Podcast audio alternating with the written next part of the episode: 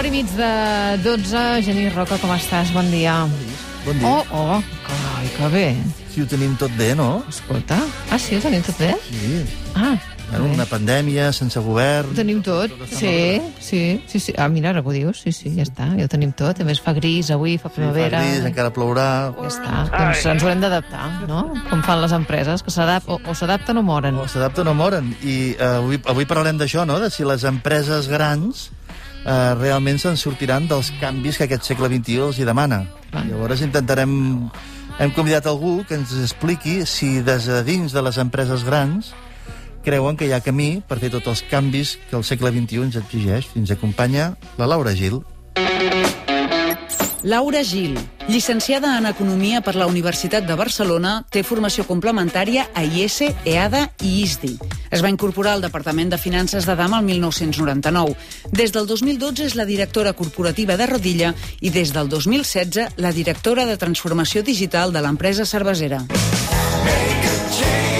Laura Gil, bon dia, benvinguda. Bon dia. A veure, aquesta primera pregunta que planteja el Genís, les empreses grans, i DAM és una empresa molt gran, podríem dir, no? Eh, 5.000 treballadors, ens deies ara sí. fora de micròfon. Ho tenen més fàcil o més difícil, l'adaptació als canvis, sobretot als canvis eh, tecnològics de l'era digital? Home, jo penso que les empreses grans eh, tenen algunes avantatges i també algunes desavantatges. No? En, el, en el cas de, de les coses favorables que tenim, podríem dir que tenim molts recursos, tant humans, i, i, i també tenim recursos econòmics potser per afrontar tot això amb, amb, més, amb més solvència, no? però alhora tenim una gran desavantatge, que ens volem semblar a les petites empreses perquè són molt més àgils, prenen les decisions molt més ràpid, impulsen els projectes també de manera molt més, molt més executiva, més ràpida, la direcció sol està molt més a prop de l'execució, i això és el que les grans empreses ens emmirallem molt, no?, amb les startups, amb les empreses petitetes, perquè volem funcionar d'aquesta manera, no?, i aquest és el gran repte.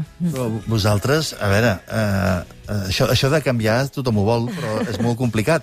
A més a més, DAM, que té 145 anys d'història. Exacte.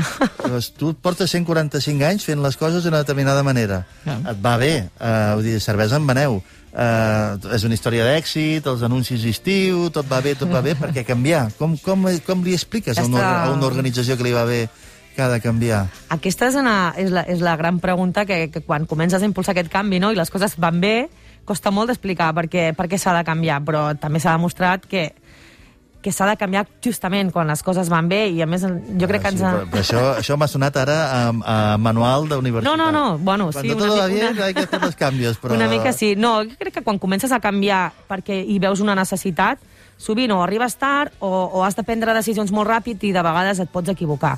Crec que quan ho fas amb la calma... Quan nosaltres vam estar sis mesos potser de- definint què és el que volíem fer amb, amb, com el pla de transformació digital.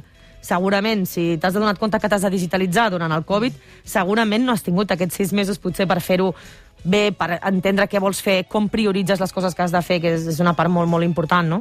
Que primer has de saber cap a on, en què et vols transformar, no? Cap a on vols anar. Exacte. Però això, com ho fas? Com tries? Perquè Ah. si tu, tu estàs... Les coses van bé. Llavors ve un sombat, en aquest cas tu, perdona, Laura, Exacte. i, i diu, jo trobo que hem de fer canvis. Però el canvi és incertesa. Tu no tens la garantia de que aquest canvi anirà bé. També pot anar malament. Uh, llavors, la, la gent necessita certeses per, per, per fer aquest canvi. Tot, tot, tot això com se cuina? Per exemple, Uh, uh, jo tinc l'opinió, confirma-m'ho, sisplau, uh -huh. o, o desmenteixo, de que uh, dins les organitzacions les coses només poden passar si van de dalt a baix. Si la propietat o l'alta direcció no està convençuda, eh, no val la pena ni ja ni, ni que ho intentis. Ah, sí, totalment d'acord. 100% vale. d'acord. Llavors, uh, tot el suport de l'alta direcció tampoc el tens tot, perquè hi ha molta gent que té mando en plaza i sempre hi ha algun que no ho veu sí. clar. Uh, això què és? Paciència i ja ho aniran veient? O, o perquè, per, per, perquè podries no tenir raó, no?, amb el canvi Exacte. que proposes. Sí, sí. En aquest cas, eh, crec que és fonamental en qualsevol projecte de canvi que hi hagi suport incondicional de l'alta direcció més amunt possible, perquè et dona un sponsoring intern molt, molt, molt rellevant. Uh, després també hi ha una part del que tu dius, no? Mm, anar demostrant amb fets, i també és veritat que vas fent, aporta un valor, i, i vas construint-ho. I si t'equivoques, escolta'm, doncs parem-ho cap enrere, que també pot passar, perquè amb algú tan gros també ens podem equivocar. I, I els treballadors... Eh, ara em deia el Genís, no? Com, com convences una empresa que li van bé les coses i que té una inèrcia positiva que cal fer canvis? I els treballadors, quins incentius tenen per, per eh, adaptar-se a una transformació? Pues en tenen molts incentius i la majoria són intangibles, que és formar part del canvi. Jo crec que no hi ha ningú que es vulgui quedar fora d'un canvi tan gros. Això el primer, el, pri- en primer lloc. Però després també hi ha... Um, són, són tecnologies noves que sents a parlar però no saps molt bé de què van i hi ha una part molt, molt forta de formació, una formació contínua, mm. que també això s'ho emporta cadascun que, a, a la motxilla personal, no? I, i després, evidentment, hi ha la retribució, que és la part més... Eh, bueno, la, la, la retribució salarial. Evidentment, hi ha objectius que van lligats amb els projectes de transformació digital que alhora estan lligats amb els objectius estratègics de la casa. Aleshores, evidentment, tota la gent que col·labora amb els projectes de transformació digital, que no només som l'àrea de digital, sinó que són més de 200 persones col·laborant en projectes, totes aquestes persones tenen implicacions. Perquè ens, eh, la gent que ens estigui uh -huh. escoltant es faci una idea i, i jo també em faci una idea. Què vol dir transformar digitalment una empresa com DAM que fa cerveses? En, en què es tradueix? En, en quines uh, coses en concret es tradueix? Coses concretes. Sí. a, a veure, jo ho definiria com una transformació cultural apalancada amb tecnologia i digitalització. Val? Això afecta a totes les àrees. Començaríem, diguéssim, per la part de consumidor, no? seria la relació, una relació directa amb el consumidor que abans no teníem, des del punt de venda de, ai, des del punt de vista de, de, de transaccionar inclús, de, de vendre canals online, experiències, mm. nous, nous serveis. Fixeu-vos en una cosa, eh? Fins ara, fins, per, exemple, en aquest sector de gran consum, eh, es diferencia la paraula client de consumidor. Hmm. Client és el bar que et compra les cerveses, consumidor és la gent que va a aquell bar i es pren la teva cervesa. Llavors, eh, el, el que són models comercials, normalment es feien amb el client, que era el bar. Llavors tu tens una relació comercial amb el bar. Per cada 10 caixes te'n regalo una, et faig una promoció, et regalo les cadires i les taules de la terrassa, i això és una relació comercial. En canvi, amb els consumidors, l'única relació que hi havia era aspiracional, de l'anunci d'estiu, que guai que és tot, però, però la marca no parla amb el consumidor final. I en canvi ara, I ara sí, quan dius relació amb el el gran consumidor, canvi, vols dir una això, no? relació directa, és el gran canvi, sí.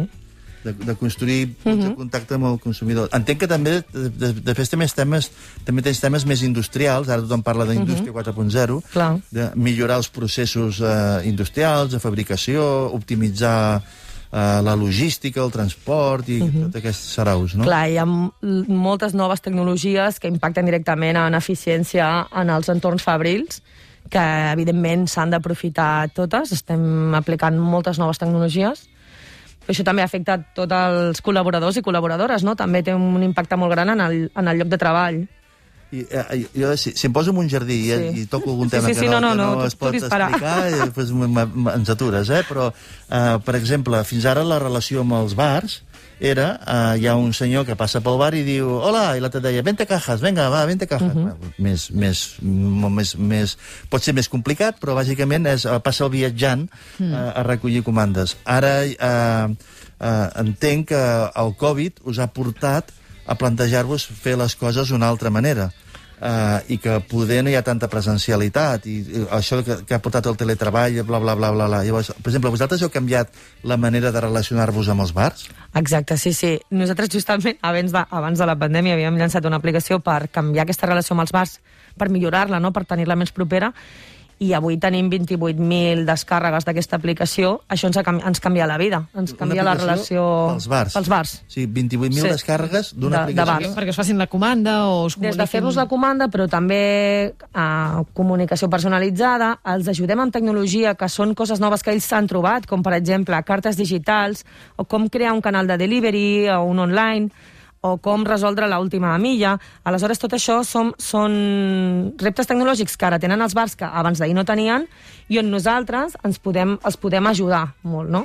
I més en aquest context on, on Ara, ara el... vas a un bar i, i et poses el QR per veure les tapes, sí. les braves i tal, i això exacte. et diu que resoldre molt ràpidament. No, no, exacte. I, I nosaltres aquí els podem ajudar, no?, perquè tenim, tenim els canals, de vegades la tecnologia és, és, està molt lluny de, de l'operativa diària d'un bar normal. Aleshores, intentem també posicionar-nos com, com un partner que els ajuda a resoldre aquests, aquests reptes, més enllà també d'evidentment vendre'ls la cervesa. El fet que Barcelona sigui un, un lloc eh, on hi ha un, l'emprenedoria és potent, no? és, és un espai, i, i a més aquí en aquest espai amb el Genís ho, ho anem descobrint setmana, setmana rere setmana, uh, beneficia moviments de transformadors de grans empreses com el cas de DAM?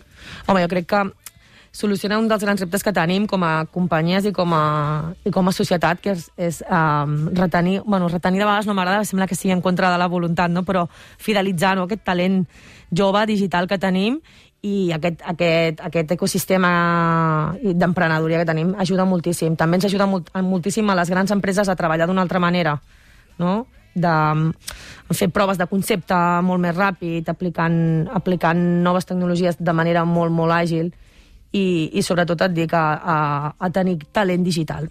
Mm.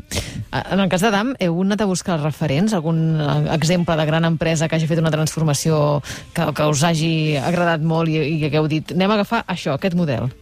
Mm, jo et diria que hem agafat coses concretes de, de molts llocs per, per ser per ser precisa, perquè en el moment que ens hi vam posar potser no hi havia tan, tantes empreses que haguessin fet un projecte tan transversal a tota l'organització hi havia coses de, doncs, de canals de consumidor o de, de com organitzar la companyia a nivell de, de la part més de recursos humans. Mm. Hi havia molts temes que, que, que, que ens vam emmirallar amb moltes altres empreses, però una que ho hagués fet tot i que ens hagués servit de referent, no, no sabria dir-te, no, no, no vam tenir cap. Mm. Al final, el que fem aquí és anar delimitant com és uh, aquest segle XXI. Mm. Tu com creus que ha de ser o, o serà la gran companyia, la gran corporació del futur? La gran corporació del futur sí o sí serà digital i sí o sí serà sostenible. És el, o sigui, el que no sigui digital i no sigui sostenible crec que li augura un, un mal futur i, i sobretot com a organització crec que haurà de trencar aquestes grans jerarquies que tenim, l'estanquitat de vegades dels apartaments, hem de treballar de manera més col·laborativa. Crec que tot això és, és, és el gran canvi de les, de les grans corporates. Uh, uh, una, una vegada vaig, vaig escoltar que el, uh, el responsable de tecnologia d'Amazon, uh -huh. és dir, a Amazon, pues, el departament d'informàtica, ja us imagineu que deu ser gran. Uh -huh. uh, uh, I el responsable, de, el jefe d'aquest sí. de, de tot això, explicava que ell el que feia era organitzar tots els seus equips, eh, en deia One Pizza Team, sí. uh, equips d'una pizza. I era, eh, jo monto equips que si s'han de quedar un vespre, amb una pizza mengen tots. Home. Si necessito dos pizzas, és que l'equip és massa gran. Ah, sí? sí? Llavors, el que feia era... Eh, necessito equips molt petits, que tinguin molt de focus en una tasca molt concreta, i com que és un equip molt petit, es poden coordinar molt bé, poden treballar molt bé. Eh, poso un exemple. A la, a la web d'Amazon, el botó, el botó de comprar, sí. hi ha un equip que es dedica només d'aquell botó. Mm perquè si el fan amb les vores arrodonides, se el posen més avull o més avall o no sé què, o no sé quantos, doncs la gent, doncs mira, el compra més o compra menys o fa el que tinguin que fer. Llavors, hi ha quatre pàjaros, que amb una pizza els hi donaries a menjar, eh, que estan sí. eh, amb el botó, fotent-li ja en el botó. Però no hi ha un equip que porta la web sinó que són equips petits i cadascun I molt especialitzats. Molt especialitzats, perquè això té el dinamisme que... Llavors, vosaltres, abans dèieu, sou 5.000 treballadors, la tendència de les grans organitzacions és anar cap a equips més petits, més autònoms? Mm, la clau. I us, I us en sortireu? D'origen no ho sou així, perquè hi ha molt, hi ha molt a l'executiu de companyia gran, no, no, no vull opinar sobre la teva en concret, sí. que per ells el poder és eh, 80 persones, 90 persones, 100 mm -hmm. persones. Això hi ha alguna aquí de cultural, vull dir que hi ha gent que diu, interpreta que el poder és això i no acceptarà una altra manera d'organitzar l'empresa.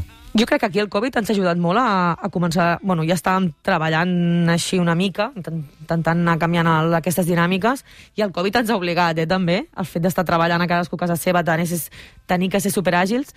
Crec que no, no estem a l'extrem d'Amazon, ni molt menys ja, ja ens agradaria, però, però sí treballem per projectes, i la clau és que aquests, aquests equips que treballen en aquest projecte tinguin molta autonomia i, i, i sigui molt, molt periòdica la conversa per tenir clar a què s'han de dedicar. No? Jo crec que, que la clau és això, eh? treball per projectes. Mm. I ara que uh, al començar el Genís uh, feia la picada d'ullet a, a la situació que tenim d'incertesa política, no? que estem a l'espera de l'arribada d'un govern, o si no, doncs anem a eleccions i vinga. Uh, què hi poden fer les administracions públiques o què hauria de fer un govern per, per mirar de, de facilitar les coses a, a, les, a les grans empreses en aquest sentit? Jo crec que aquí també tenim un context que, que, que és, és el moment eh, de, de col·laborar. Jo crec que la paraula és la col·laboració i sobretot veure quin, quins són aquests, aquests projectes tractors o sectorials que volem, que volem impulsar i ja no val que un s'hi posi sol, sinó que crec que tots junts hem, hem de posar-nos i, i, i serà l'única manera de fer-ho bé. Uh, crec que no m'imagino un context com el que tenim avui amb tot el dels fondos de Next Generation i tot plegat, sense una col·laboració estreta a uh, organismes públics i, i, em, i empresa i crec que tots hem, ens hem, ens hem d'alinear i, i, i remar junts. Per, sí, sí. per no comprometre l'empresa on tu treballes, eh? Uh, uh, amb les teves converses amb col·legues d'empreses similars, això sí. que podríem dir gran empresa, uh, tot això dels Next Generation, uh, uh, ho, ho mireu com una finestra d'oportunitat? Creieu que arribaran projectes per aquí? O això és una cosa dels diaris i uh, quan vols... No sé, quina expectativa tens? Jo tinc expectatives de, de, de, de poder participar o de, o de col·laborar juntament amb altres companyies i amb entitats públiques en projectes grans, sectorials, vaja. O sigui, és a dir, projectes grans que impliquen a diverses empreses... Sí, eh, col·laboren juntes, i, sí. I, I entenc que mm. això ja n'heu estat parlant i teniu diferents hipòtesis sobre la taula... Sí, sí. perquè és que això del Next Generation a mi me fascina perquè tothom en parla, però, però tothom està com... És com si és com comprar números a la loteria. Ningú els ha vist. Ningú els no? ha vist. Ningú bueno, de moment, són. exacte, no, no hi ha res... Ningú sap quan arribaran, ni en quina forma. Sí, sí hi haurà no? sorteig. Exacte, però sí, tothom en parla. Perquè això, sí, sí, és cert, és així. Però sí, sí. Bueno, bueno. Doncs, uh, el que sí està clar és que hi ha d'haver una col·laboració no, amb projectes grossos de sectorials o, o projectes que li diuen tractors que, que per fer-ho bé haurem de col·laborar tots. Ets optimista? Mm -hmm. Ens en sortirem? No, ara no parlo del país i del govern, sinó Home, Genís. Uh, de les organitzacions. Vull dir, um, uh, uh, pel que estàs explicant ara, el que hem vist és que això de la transformació de les grans organitzacions uh -huh. té molt de cultural, sí. es recolza en la tecnologia, i també es recolza amb les oportunitats, amb l'agenda. Vull dir que ara hi ha el Covid, ara -huh. hi ha, no sé, el, el, el, no és el vostre cas, però altres empreses tenen problemes perquè apareix un competidor o perquè la crisi els afecta molt directament uh -huh. i amb aquest momentum de, de crisi es veuen més, més empesos a, a fer les coses d'una altra manera. Uh, però hi ha camí, és que a vegades sembla que les grans organitzacions són tan rígides i tan mamotretos que que no sé jo si, Home, si, si, si podran A veure, canviar. si hi ha camí, Genís, eh? jo, jo com a bona cervesera sempre veig el got, el got mig ple, així que s'ha de ser optimista. Costa, costa, costa de moure, però, però ho estem aconseguint i de fet jo crec que amb, no sé, almenys nosaltres que parlo del que sé, hem arribat al Covid, havent fet els deures i això ja, ja és un, un canvi molt, molt gros, no? I, i sí, hi ha camí per l'esperança, sí, sí, costa, costa més, costa vale, més, vale. i som mamotretos, però, però ho aconseguirem. Doncs, uh, Laura Gil, moltíssimes gràcies per, per haver-nos explicat una mica com és aquesta transformació digital de les uh, grans corporacions en general, del cas de, de DAM en concret, que és el que tu coneixes uh, més. Moltes gràcies per haver-nos acompanyat. A vosaltres, gràcies, Laura. Gràcies, gràcies. Genís. Seguim feliços, eh? Sí, sí. I que no ens alteri res. Mira, l'altre dia em deien, si tu veus el got mig buit, canvia i agafa un got més petit. Exacte. Està que anaves a dir, omple'l. Sí, també, és l'altre. Genís, gràcies. Vinga, són a les 11.41, per tant, eh, ens queden res, un parell de minutets de publicitat i saludem de seguida el Quico Sallés, que ja tenim a, a punt amb les seves històries.